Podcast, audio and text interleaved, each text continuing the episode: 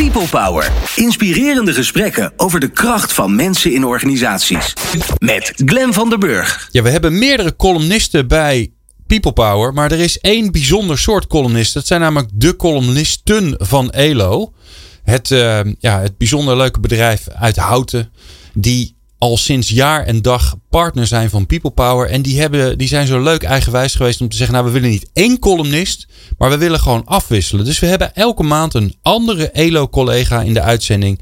Die, uh, ja, die, zich ergens, uh, die, die zich ergens over opwindt of iets, iets, iets wil veranderen. Of uh, iets, er zich ergens druk over maakt. En deze maand is dat Jaap-Jan van Assen. Jaap-Jan, en jij maakt je ook ergens druk om.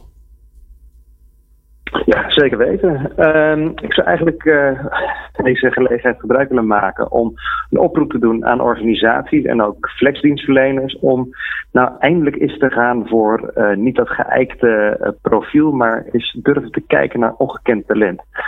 Als je kijkt naar uh, het aantal openstaande vacatures, dat blijft maar stijgen. En, en je ziet ook dat ze steeds minder snel worden ingevuld. Hè. Uh, de, het CBS heeft een soort spanningsmeter. En sinds vorige maand staat die ook weer echt op toenemende krachten. Dat betekent dat we die crisis ook op de arbeidsmarkt eindelijk eens uh, te boven raken. Gelukkig maar. Vervolgens, als je dan allerlei HR-trends ziet, hè, er zijn allerlei bureaus die dan de uh, trends in HR-land optekenen. En dan heb je het echt ook over grote namen zoals Raden, Deloitte, Berenschot. En er is zelfs een HR-trend-instituut. Nou ja, dan heb je uh, hele mooie termen die het hebben over talentdevelopment, duurzame inzetbaarheid, inclusiviteit, werkgeluk. Nou, weet je, al die, die, al die lijstjes, dat bungelen buiten dat soort termen over elkaar heen.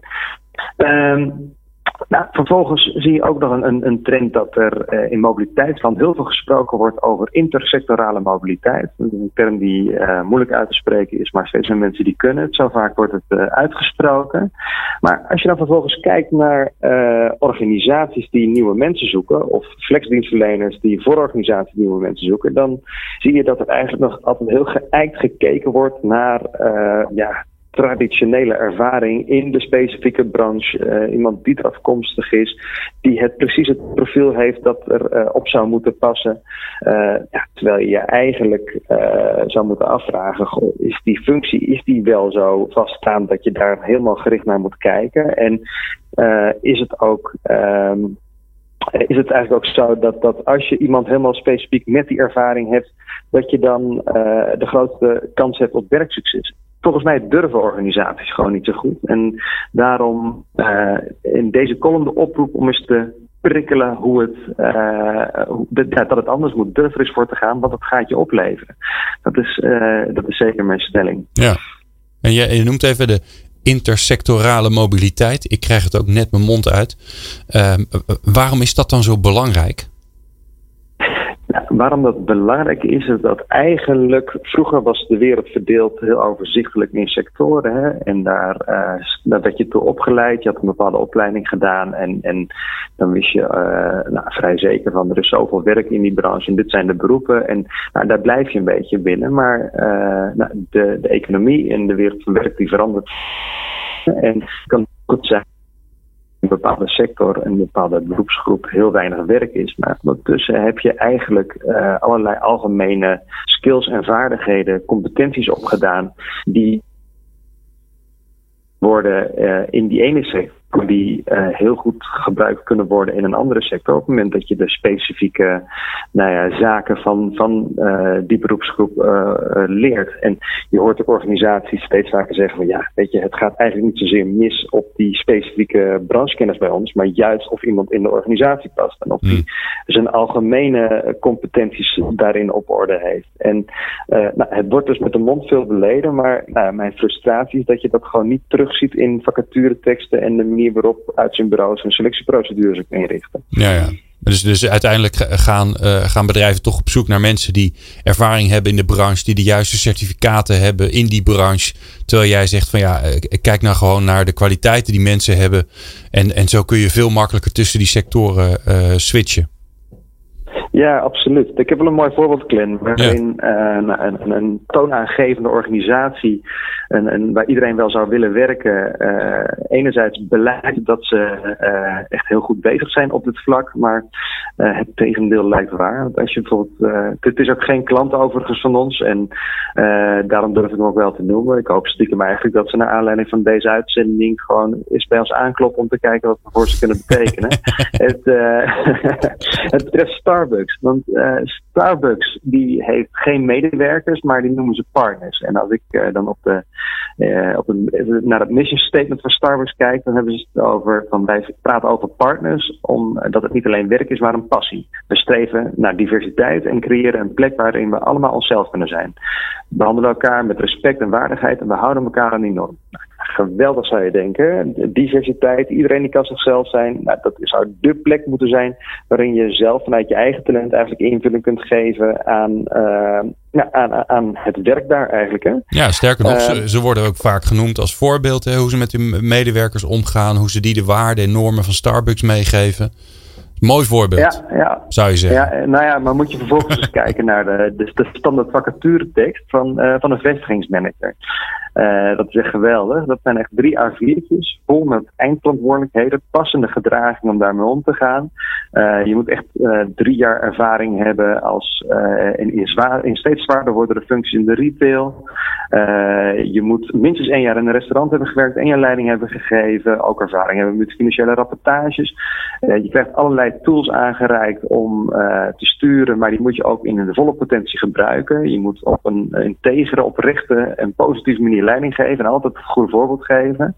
En uh, je moet ook andere partners, lees medewerkers dus, hè, um, tot hun volle potentie ontwikkelen door steeds uitdagende doelen te stellen. En nou, het is echt op gedragsniveau voorgeschreven, voorgeschreven hoe je je als vestigingsmanager moet gebruiken. En de is dat uh, nou ja, uh, in dat mission statement staat dat je dus ook aan die diversiteit vorm moet geven, maar dat zie je vervolgens niet voorgeschreven hoe je dat dan zou moeten doen in die vacature en nou volgens mij, als je alles doet uh, wat er beschreven staat, dan, dan heb je je 40 uurtjes in de week heb je wel, uh, heb je wel vol, zeg maar. Dus ik, ik, ik vraag me sterk af hoe je dan inderdaad vorm kunt geven aan nou dat, dat, dat eigene en, en die diversiteit waar ze in een mission statement over praten. Ja, en, en, jij, en dit is een voorbeeld. En zie je dat nou vaker terug dat er echt een, ja, een discrepantie is tussen nou ja, wat er zeg maar beleidsmatig geroepen wordt, misschien een beetje aan de buitenkant en, en hoe het echt is?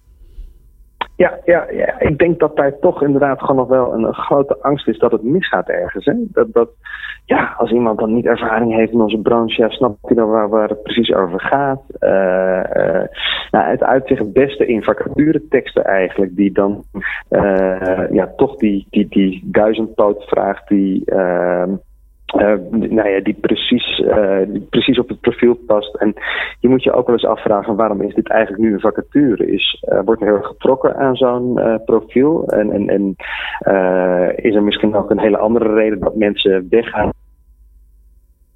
manier werft.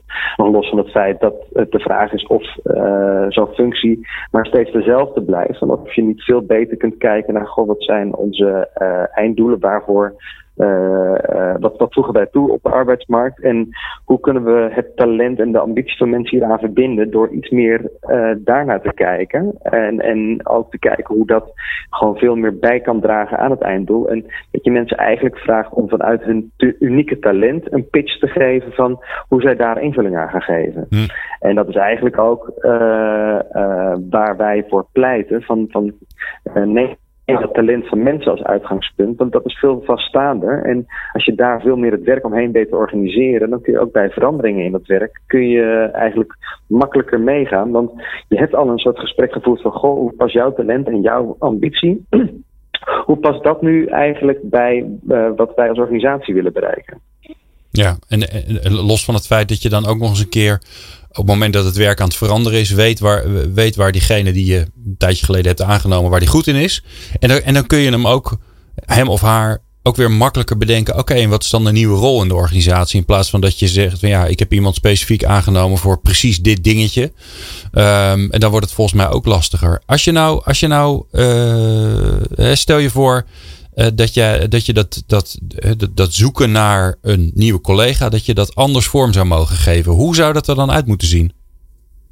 Ja, Nou ja, dit is eigenlijk wat wij ook wel noemen eh, het nieuwe selecteren of, of het nieuwe assessment. Als je vervolgens inderdaad uh, mensen uh, een, een, een, een pitch wil laten maken. Want dat is de kern eigenlijk. je kunt nog steeds instrumenten gebruiken die op een hele nauwkeurige en betrouwbare manier iemands talent, skills, vaardigheden in kaart brengt.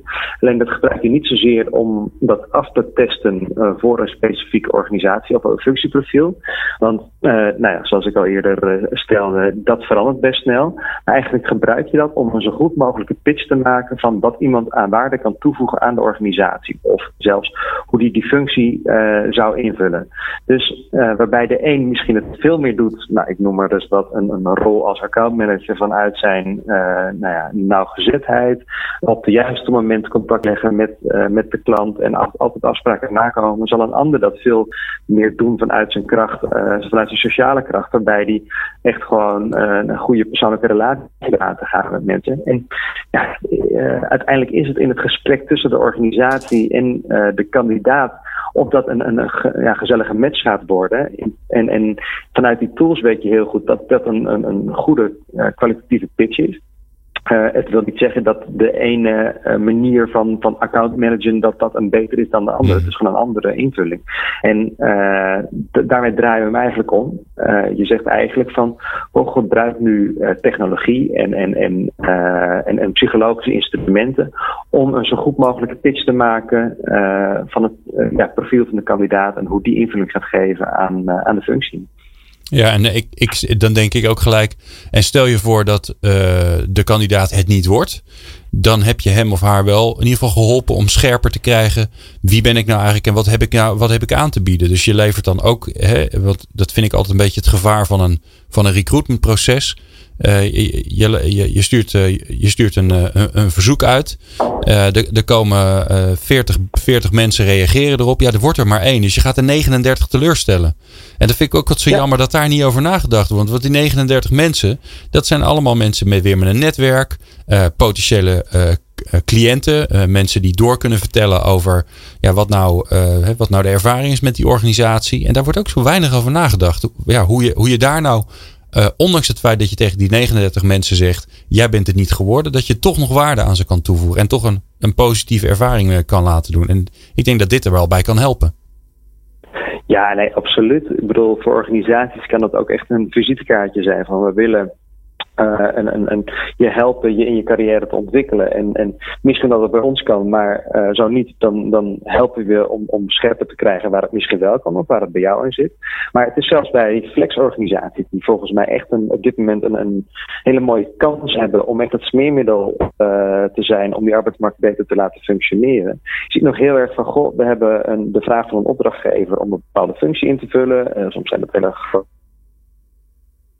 uh, tientallen mensen of misschien wel een paar honderd mensen geworven moeten worden, dan zie je dat er nog heel erg uh, gestructureerd een, een, een, uh, een, een selectieprocedure wordt ingericht, specifiek op die vraag. En nou, mensen die doorlopen dat, daar vallen inderdaad ook nog heel wat mensen af. En nou, daar gebeurt dan vrij weinig mee met al die mensen die afvallen, terwijl ze misschien best voor een andere functie heel geschikt kunnen zijn.